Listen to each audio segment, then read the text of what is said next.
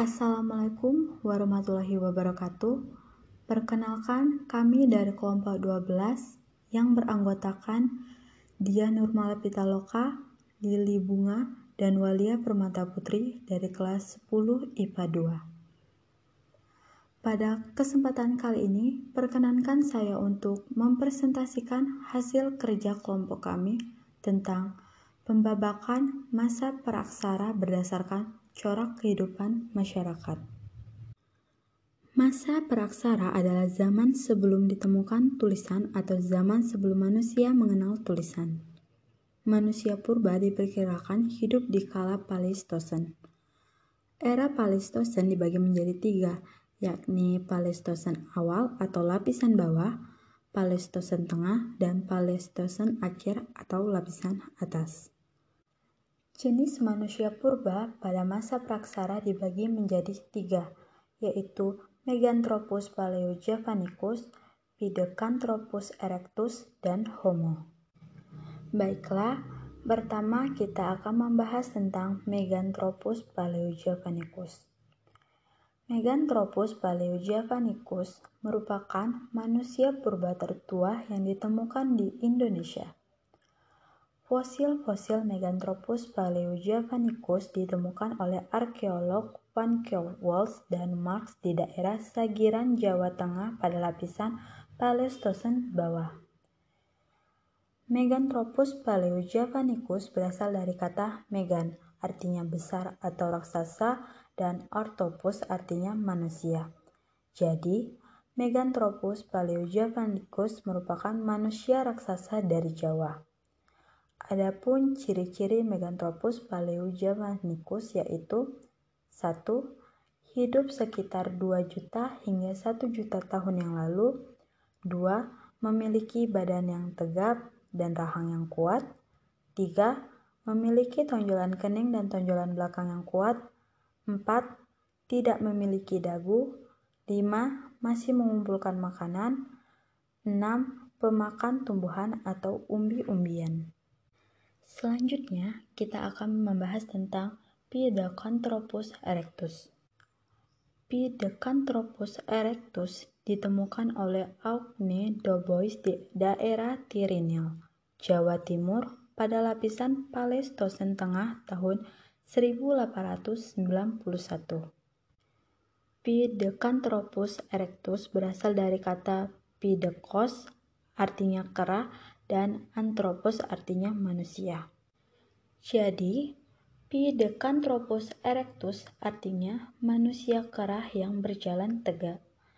Pithecanthropus erectus dimasukkan ke genus Homo yang dinamakan Homo erectus.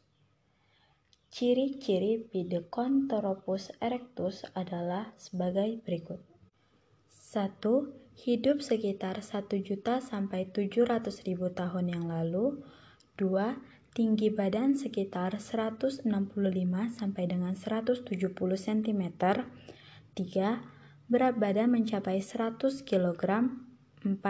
Volume otak rata-rata sekitar 900 cc.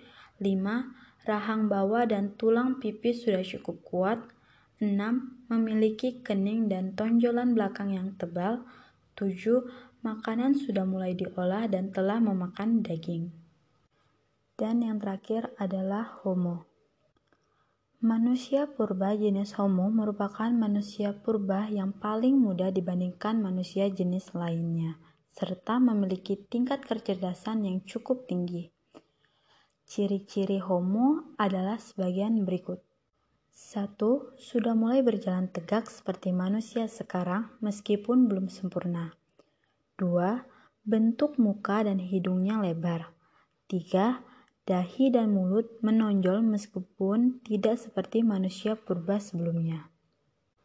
Beberapa manusia purba jenis Homo ditemukan di Indonesia, yaitu Homo soloensis, Homo wajakensis, dan Homo floresiensis. Corak kehidupan masa praksara dibagi menjadi dua, yaitu berdasarkan 1 Benda-benda hasil kebudayaan masa praaksara dapat kita bagi menjadi beberapa zaman, Yang pertama adalah zaman Paleolitikum atau zaman batu tua. Paleolitikum merupakan periode awal dalam kehidupan manusia praaksara. Ciri-ciri benda hasil kebudayaannya adalah alat batunya yang kasar, belum dihaluskan di sebagian atau kedua sisinya. Benda hasil kebudayaan Paleolitikum dibagi menjadi dua, yaitu satu Kebudayaan ngadom berupa serpi batu atau plakes. Dua, kebudayaan pacitan berupa kapak genggam, kapak perimbas, alat penetak, dan lain-lain. Yang kedua, Mesolitikum atau zaman batu menengah. Mesolitikum, ciri-cirinya adalah alat batunya sudah mulai dihaluskan pada bagian atau kedua sisinya Salah satu hasil kebudayaannya adalah alat serpi dan kapak genggam Sumatera. Yang ketiga, Neolitikum atau zaman batu muda. Neolitikum, ciri-cirinya adalah alat batunya sudah dihaluskan pada kedua sisi benda. Hasil kebudayaannya berupa kapak lonjong dan kapak persegi. Dan yang keempat, zaman logam. Manusia praksara sudah dapat membuat benda-benda dari logam. Contohnya candarasa, nakara, moko, bejana perunggu, mata panah, dan tombak. Mereka juga sudah mengenal teknik pembuatan benda dari logam, yaitu bifalape dan akir perdue. 2. Kehidupan sosial ekonominya dapat kita bagi menjadi beberapa masa. Yang pertama, masa berburu dan meramu. Manusia praaksara masih bergantung pada alam. Mereka mencari makanan dengan cara berburu ataupun mengumpulkan makanan. Mereka juga hidup berpindah-pindah. Biasanya, mereka menetap di gua-gua terbuka yang dekat dengan sumber mata air.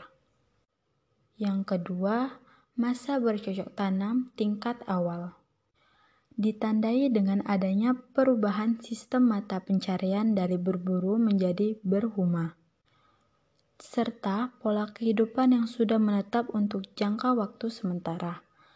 Mereka juga mempercayai animisme dan dinamisme, seperti mengenal sahaman atau dukun. Yang ketiga, masa bercocok tanam tingkat lanjut. Pada masa ini, manusia praaksara sudah dapat bersawah. Mereka juga dapat mengenal astronomi dan menggunakan rasi bintang untuk menentukan musim panen dan musim tanam. Mereka juga sudah menggunakan sistem barter. Dan yang terakhir adalah masa perundingan. Pada masa ini, manusia sudah terampil dalam melakukan suatu jenis usaha, seperti membuat peralatan logam, kayu, gerabah, dan perhiasan. Pada masa ini, masyarakat Nusantara sudah hidup secara menetap. Mungkin itu saja presentasi dari saya. Jika ada salah kata saya mohon maaf. Saya akhiri dengan wabillahi taufiq walidayah. Wassalamualaikum warahmatullahi wabarakatuh. Terima kasih.